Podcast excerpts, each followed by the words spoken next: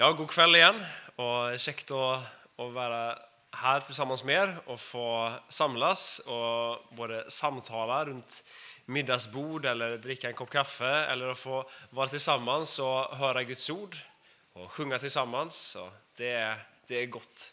Syskonfällskapet i troen på Jesus, det är viktigare än vad vi anar tror jag. Gud, vi lägger den här stunden vidare i dina händer.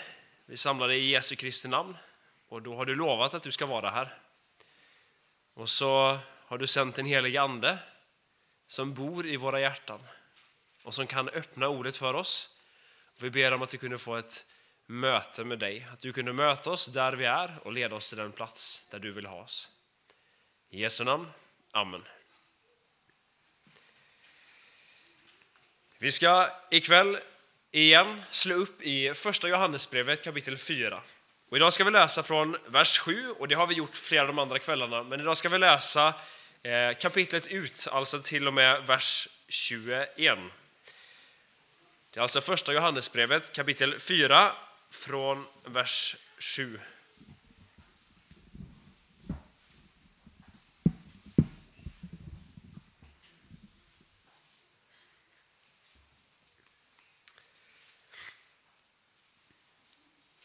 Mine kjære, la oss elske hverandre, for kjærligheten er av Gud. Og hver den som elsker, er født av Gud og kjenner Gud. Den som ikke elsker, kjenner ikke Gud, for Gud er kjærlighet.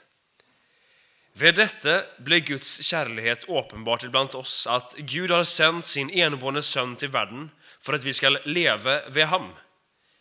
I detta är kärleken icke att vi har älskat Gud, men att han har älskat oss och sänt sin son till soning för våra synder. Mine kära, har Gud älskat oss slik, då skyller också vi att älska varandra. Ingen har någonsin sett Gud. Därsom vi älskar varandra, då blir Gud i oss, och kärleken till ham är blivit fullkommen i oss. Av detta känner vi att vi blir i ham och han i oss, att han har gett oss av sin ond. Och vi har sett och vittnar att Fadern har sänt sonen som världens frälser. Den som bekänner att Jesus är Guds son, i ham blir Gud, och han i Gud. Och vi har känt och trott den kärlighet som Gud har till oss. Gud är kärlighet. Den som blir i kärleken blir i Gud och Gud i ham. I detta är kärleken blivit fullkommen hos oss, att vi har frimodighet på domens dag. För liksom han är, slikar också vi i denna världen. Frykt är icke kärleken, men den fullkomna kärleken driver frykten ut. För frykten har med straff att göra, och den som frykter är icke blivit fullkommen i kärleken. Vi älskar fordi han elsket oss først. Dersom noen sier 'Jeg elsker Gud', og likevel hater sin bror, så er han en løgner. For den som ikke elsker sin bror, som han har sett, hvordan kan han elske Gud, som han ikke har sett? Og dette budet har vi fra ham, at den som elsker Gud, skal også elske sin bror. Vi er i den tematikk som har med och älske eller kärlighet att göra. Älsket av Gud, älske Gud, älsket av mig själv eller egenkärlighet. Det är de tre teman som vi har stannat för de tre kvällar som har varit. Eh, och De två sista kvällsmötena som jag ska ha, för jag ska ha mötet ikväll och imorgon kväll. Och de två sista mötena ska vi nu stanna inför det att älska varandra. Älska varandra. Och jag kommer att dela upp det i två olika underkategorier. Ikväll ska vi tala om det att älska min nästa. Älska min nästa. Och imorgon så blir temat älska mitt sösken i troen. Men alltså ikväll så blir det älska min nästa. Och nu läste vi ett längre avsnitt och som vi, vi har stannat inför flera av de första verserna här. Men texten som vi har framför oss, den kretsar, det cirkulerar runt en väldigt bestämd uppmaning. Och det är uppmaningen om att vi ska älska varandra. Och den kärleken, om att vi ska älska varandra, den har sitt upphav i Guds kärlek eftersom Gud är kärlek. Och vi har talat om det och på en måte så kan vi det och samtidigt så glömmer vi det så fort. Men Gud han uppenbarade sin kärlek genom att han sände Jesus Kristus till att dö på korset för att försona din synd, för att du skulle få leva. Och så är det så att när en människa hör det här budskapet och får ta emot det här budskapet så sker det någonting som blir beskrivet i vers 16. För i vers 16 så står det så här. Och vi har känt och trodd den kärlighet som Gud har till oss. Gud är kärlighet. Den som blir i kärleken blir i Gud och Gud i ham. Så när du och jag, när vi är här, eller när vi sitter hemma, när vi möter detta budskapet om Guds kärlek, kärlek så får vi erfara och vi får se att Jesus, han är den hjälpen, han är det svaret, han är lösningen på det som är mitt djupaste problem. Han är lösningen på syndens problem. Därför det är ett stort behov. Jag har behov av en frälsare och Jesus han är nettopp den frälsaren. Och när det går upp för oss så är det verkligen som att du är i ett mörkt rum och så famlar du dig fram. Har du upplevt det någon gång att du är, ja det kanske, du går, kanske inte på do på natten, men där som du går på do på natten och så är det helt mörkt och så går du ut och så är du på ett nytt ställe och så öppnar du dörren till doen och så håller du på där och famlar efter lysbrytaren. Och så bara letar du och så finner du inte lysbrytaren och så blir det panik. Och så finner du ändra lysbrytaren och så går lyset upp. Vilken lättelse! Oh, gott, du fann lyset på doen. Ta ett bilde och sammanligna med det att få se evangeliet. Sant? Det var väldigt dåliga bilder.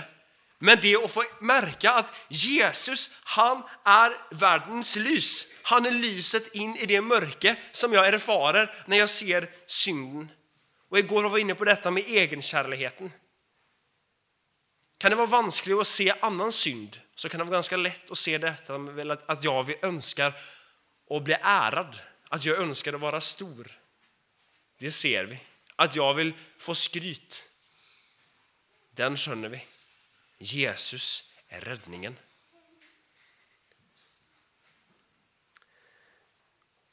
Och då kan vi verkligen få instämma i de tre orden som stod här Gud är kärlek. Ja, ja han är det. Du blir överbevisad om att ja, när jag har en Gud som handlar på detta sättet så är Gud kärlek. Och den som då fortsätter att leva i det här dagligen och får ta emot Guds nåd i ordet och i nattvarden, den lever faktiskt inte isolerat, den lever inte för sig själv. Men vet du vad? Du som har det på det sättet att du har fått ta emot Guds nåd, du är inte ensam, men du lever i Gud. Du lever ett liv i Gud genom Jesus Kristus. Och inte nog med det. Du är i Gud, men Gud, han är i dig. Gud har tagit boning i dig. Du har blivit den helige tempel.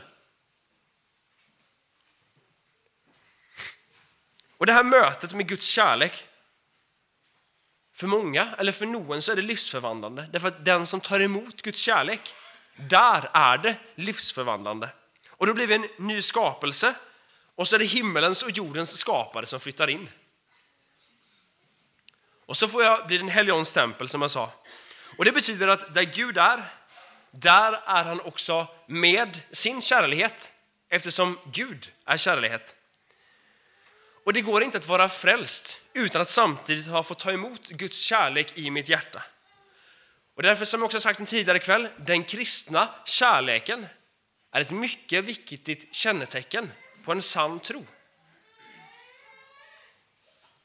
I bibeltimmen tidigare idag så hörde vi Knut, eh, han talade och så refererade han till Romarbrevet kapitel 6, vers 13 där det står Still heller icke lemmene deres till rådighet för synden, som våpen för rättfärdighet, Men fremstill deres själv för Gud, som de som av döde blivit levande och og by deres lemmer fram som rättfärdighetens våpen för Gud. Och så sa han så starkt, tror jag, som någon kan se det, så sa han att ungefär så här att Gud vill att vi ska få möta, eller Gud vill att andra människor ska få möta Gud och Guds hjälp genom oss. Vi har fått bli ett rättfärdighetens vapen i Guds hand. Och det leder oss faktiskt fram till, eller tillbaks till det dubbla kärleksbudet. Matteus 22.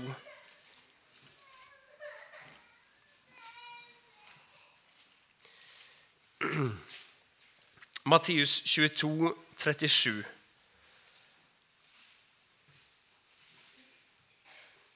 Han sa till honom, du skall älska Herren din Gud av hela ditt hjärta och av hela din själ och av all, eh, av all din förstand. Detta är det största och första budet. Men ett annat är lika stort. Du ska älska din nästa som dig själv. På disse to budene hviler hele loven och profeterna. Så när Johannes skriver i sitt brev om att vi ska älska varandra och Paulus skriver om att vi ska framställa oss själva som vapen för rättfärdigheten så mynnar det på en måte ut i det dubbla kärleksbudet i den andra delen om att vi ska älska vår nästa som oss själva. Och så var det det om att igår så talade vi om eh, om den kärlek som vi kan bäst, nämligen den här kärleken om att älska sig själv, egenkärligheten. Det vill säga att sätta egna lustar, egna behov, egna drömmar och ära först. Och så säger Jesus, lägg bort det. Och följ mig. Och så är det inte förrän vi möter Guds kärlek som vårt fokus, fokuset för vår kärlek kan flyttas. För det är när frälsaren, när han står levande framför oss, då kan vi överväldigas av hans kärlek. När vi ser att han älskade mig först, hans nåd träffar mig, jag tränger den. Han älskade innan jag hade älskat, innan det fanns någonting som var välbehagligt hos mig, så sände Gud sin son för att rädda mig. Och när jag får se detta, när lyset går upp, så väcks det också en ny kärlek hos mig som flyttar fokuset från mig och mitt mot frälsaren och mot det som Gud kallar mig till att älska. Men när detta är sagt så är det viktigt att vi också kan få ha en rätt syn på oss själva. För vi är skapade av Gud. Skapade av Gud i hans bilde.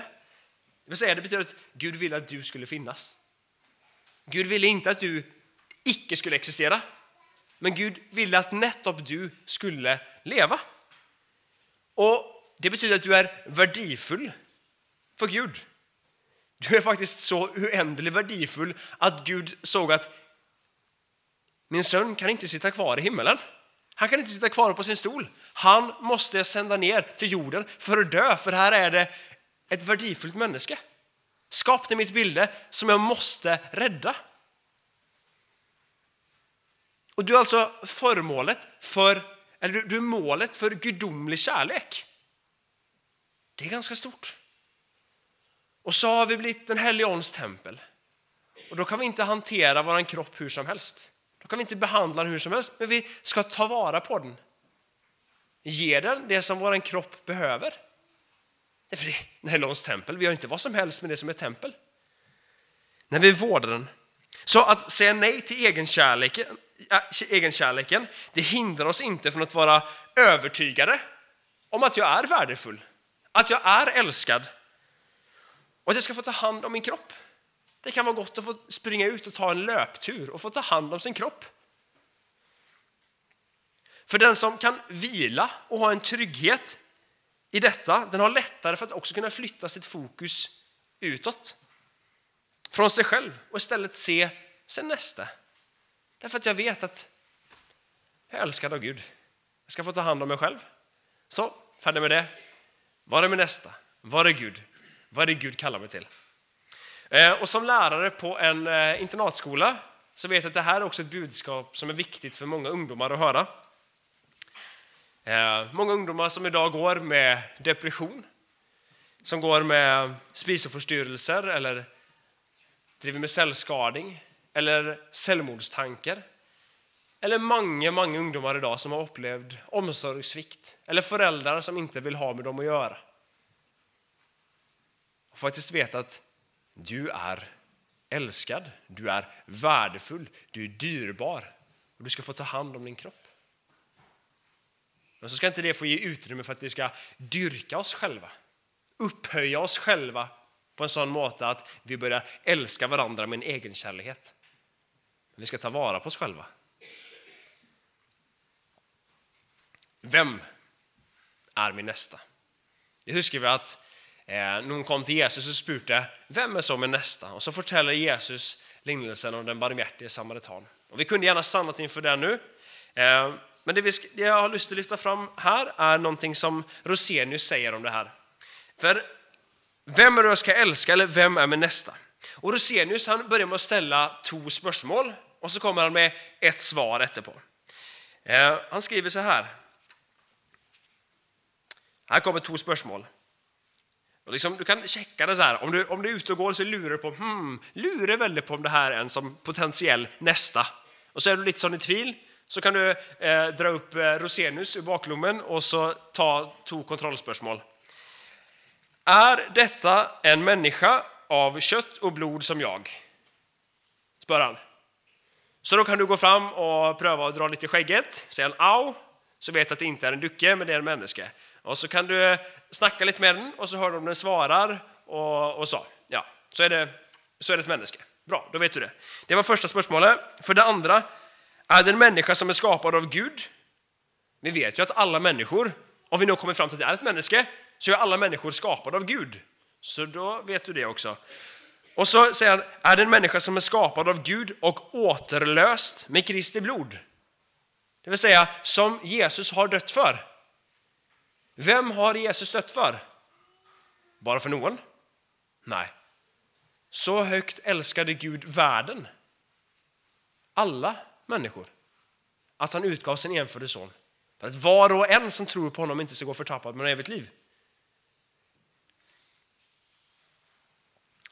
Alltså, är detta en människa av kött och blod som jag? Okej, okay, spörsmål 1. Spörsmål 2. Är det en människa som är skapad av Gud och återlöst med Kristi blod?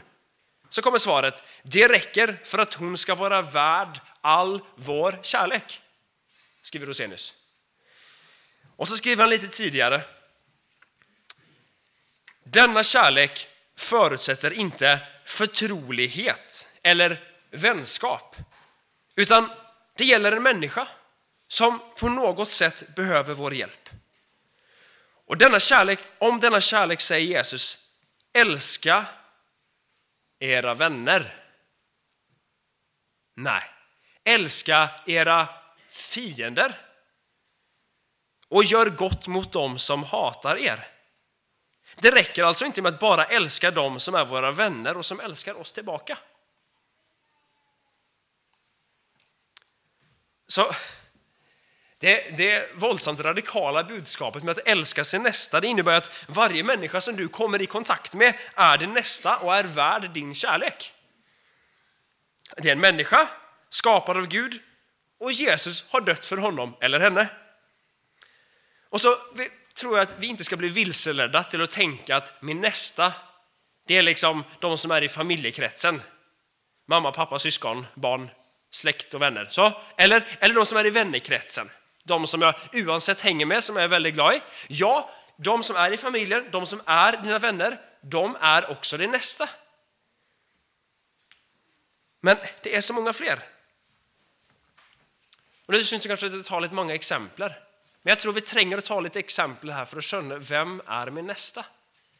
Har du tänkt på att gutten som sitter i kassan på Rema som ser så trist och lej sig ut? Kanske keder sig också för den sakens skull. Han är din nästa. Har du tänkt på att när du kommer ut ur butiken, ur, går ut från Rema och så sitter den på backen där som håller fram någonting och tigger. Det är din nästa. Nej, men det är inte min nästa. Ja, vad är det då? då? Jo, det är din nästa.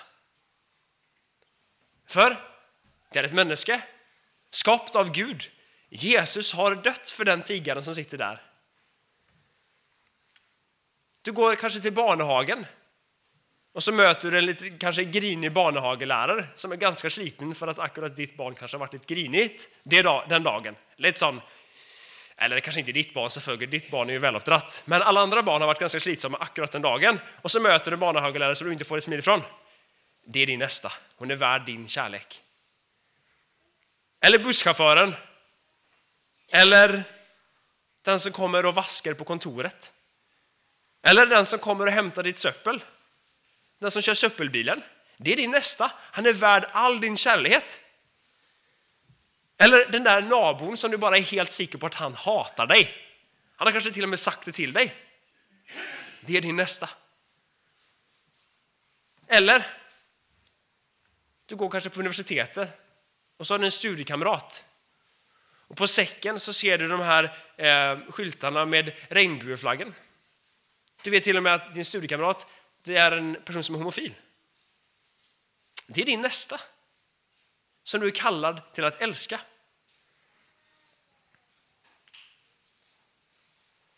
Ja, vi kunde ramsat upp typ fler. Men om du ser det runt omkring så kommer du snart upptäcka vem som är din nästa. De är där överallt runt omkring dig och de är värda din kärlek. Och den kärleken som springer ut av ett sant liv med Gud.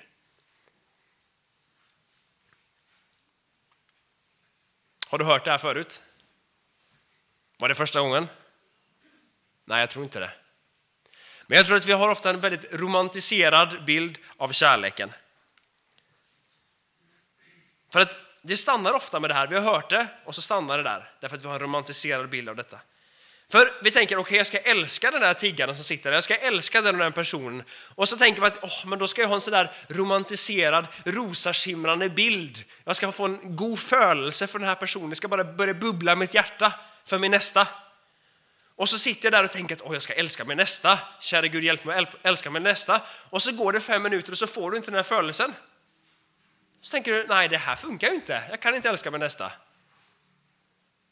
Och så ger du upp lurad igen. Hur ska vi älska vår nästa? Jag har sagt det tidigare. Vad är det som är mönster? Vad är det som är exemplet på hur vi ska älska? Jo, det är Guds, eh, det är Jesu kärlek som är mönstret för vår kärlek. I första Johannesbrevet 3.16, vi har sett på det tidigare, men där står det På detta har vi lärt kärleken att känna, att han satte livet till för oss. Och så kommer det, och så vi skyller och sätter livet till för bröderna. Alltså samma kärlek som Jesus har älskat oss med, samma kärlek, samma handlande kärlek är vi kallade att älska vår nästa med. Var Jesus kärlek bara på det tankemässiga planet? Jesus satt där i sitt egenbyggda hus i, i, i Galileen och så bara tänkte han, jag älskar. Eller satt han bara där och det bara bubblade i bröstet? Eller var det bara så att han, han var en sån som bara försynte kärlek? Ja, hans budskap handlade absolut om Gud och Guds kärlek i allra högsta grad. Men han gjorde också mer. Han, han snackade inte bara om kärleken, han var kärleken. Han gick vägen till Golgata, sträckte ut sina armar på korset och dog. Han gav sitt liv för han älskade dig och mig. Kärleken den söker efter ett behov och när behovet blir identifierat så söker kärleken efter att fylla det behovet. Jesus han stillade stormen. Jesus mättade de hungrade med bröd och fisk. Jesus helbredade den psyke, drev ut de onda onda. Alexanders favoritförtällning akkurat för tiden det är Bartimeus. Jag vet inte om det har att göra med att yngstebror då heter Timeus. Men Bartimeus, den förtällningen, när Jesus går bort och så ropar han och så spör Alexander, vad var det, Timeus, vad var det Bartimeus ropade? Jesus, hjälp mig! ropar Alexander. Han vet det. Och Jesus gick förbi. Nej, så kan Alexander säga, Jesus dansat. Han sa, kom till mig, för mannen hit till mig. Han såg att han var en man som hade ett innerligt behov, en längsel efter att se. Och så får Bartimeus se. Och så vet Alexander det som är tre år. Och Bartimeus kunde se igen. Och så vet han också vad som skedde. När han fick se så följde han Jesus. Han började följa Jesus och gå med honom. Det gjorde Jesus.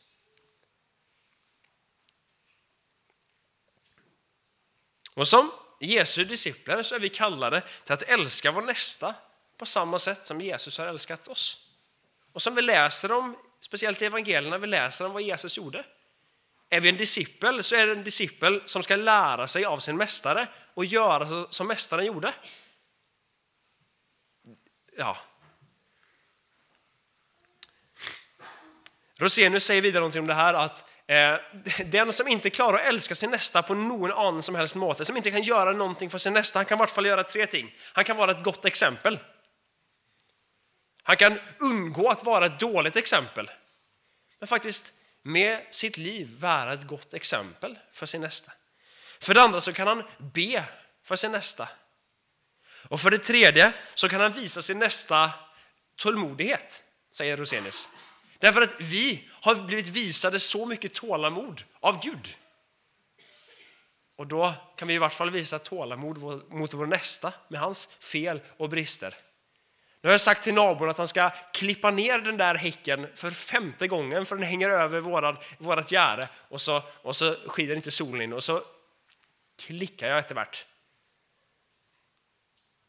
Klipp ner den där busken, jag vill ju se solen, sant? Jag kan få säga till nabon igen, vet du vad? Nu är det, bara så du vet så är det sjätte gången jag säger det här. Men kanske jag kan få hjälpa dig med att klippa den där häcken. Kan jag göra det? Kan vi göra det i lag? Så tar jag med mig kaffe tillägg. Och så tar jag med lite bollar. Ser ni? Det mjukar upp situationen. Kaffe. Tack gode Gud för kaffe. Det har gjort mycket gott.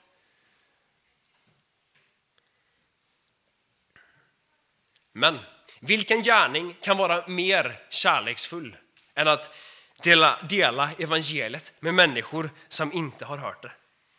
Tänk, tänk att få sätta eh, människor i kontakt med han som själv är kärleken. Tänk när man nästa får erfara det som vi läste om i första Johannesbrevet kapitel 4, vers 16. Där stod det ju, om vi har känt och trott den kärleken som Gud har till oss. Nej, och vi har känt och trott den kärlek som Gud har till oss. Gud är kärlighet. Den som blir i kärleken blir i Gud och Gud i han. Om vi byter ut några ord här och min nästa har känt och trodd den kärlighet som Gud har till min nästa. Och min nästa kan få bekänna Gud är kärlighet. Och när min nästa blir i kärligheten så blir han i Gud och Gud blir i min nästa. Tänk att få älska min nästa på en sån måte att jag kan få vittna om att Jesus blev sänd till jorden för honom. Till slut så ska vi bara se att man kan se detta budet, jag må älska min nästa som mig själv utifrån två olika perspektiv. Vi kan se det utan Kristus eller i Kristus. Utan Kristus så ser vi att vi är fullständigt dömda av detta budet. Och du kan nog erkänna att mot några av dem som är din nästa så har du kanske visat någonting som kan likna kärlek. Men mot de allra flesta av dem som är din nästa så har du kanske inte alls visat kärlek, men tvärtom ovilja. Och utan Kristus så ser du nu, och det hoppas jag, att du drivs till Kristus. För om kärleken till min nästa är en av de viktigaste buden så står jag ju dömd inför Guds domstol. Och då har du upptäckt ditt eget problem. Igen, ditt djupaste problem. För då har du upptäckt synden mot din nästa. Och så har du igen fått uppdaga behovet av en frälsare.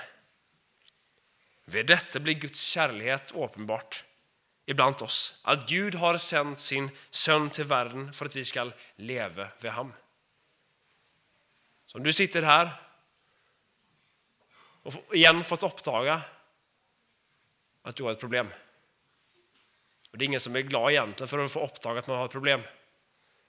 Men det har också en lösning som blivit uppenbart från Gud. Att Jesus döde för att du ska få leva. Den synden där, som handlar om synd mot din nästa, det är betalt för. Jesus döde för det. Och Det ska du få tro och vila i. Gud älskar dig. Och när vi nu är i Kristus så möter vi budet utifrån andra förutsättningar. Den heliga Ande bor i oss med hela Guds kärlek och driver oss till att älska. Då, då, då, tänker du kanske så här. Ja, det är Gud som älskar mig. Det är hans verk. Och så länge inte Gud skriver med eldskrift på väggen att jag ska gå ut och älska min nästa väldigt konkret akkurat på det och det sättet så kan jag med god samvittighet sitta hemma i min stol och bara vänta. Det är ju VM-tider nu så då kan vi snacka om lite sådana stillningar. Men då vet du vad? Då är det e 1-0 till ditt gamla människa. Men du har det säkert inte på det här sättet att du tänker så. Men jag har lätt för att tänka så att om inte Gud kommer med den här väldigt speciella uppenbaringen på väggen så, så är det, kan, jag, kan jag ta det med ro. Men låt oss ta det igen. Gud bor i oss. Den helige har flyttat in i den som har fått ta emot Jesus och frälsen. Den helige bor i mig. Och den helige arbetar med mig, den helige virkar i mig och dig. Och vad är den helige viktigaste redskap? Hur arbetar den helige Det viktigaste redskapet är Guds ord. Det betyder att den helige och Guds ord hänger ihop. De arbetar samman.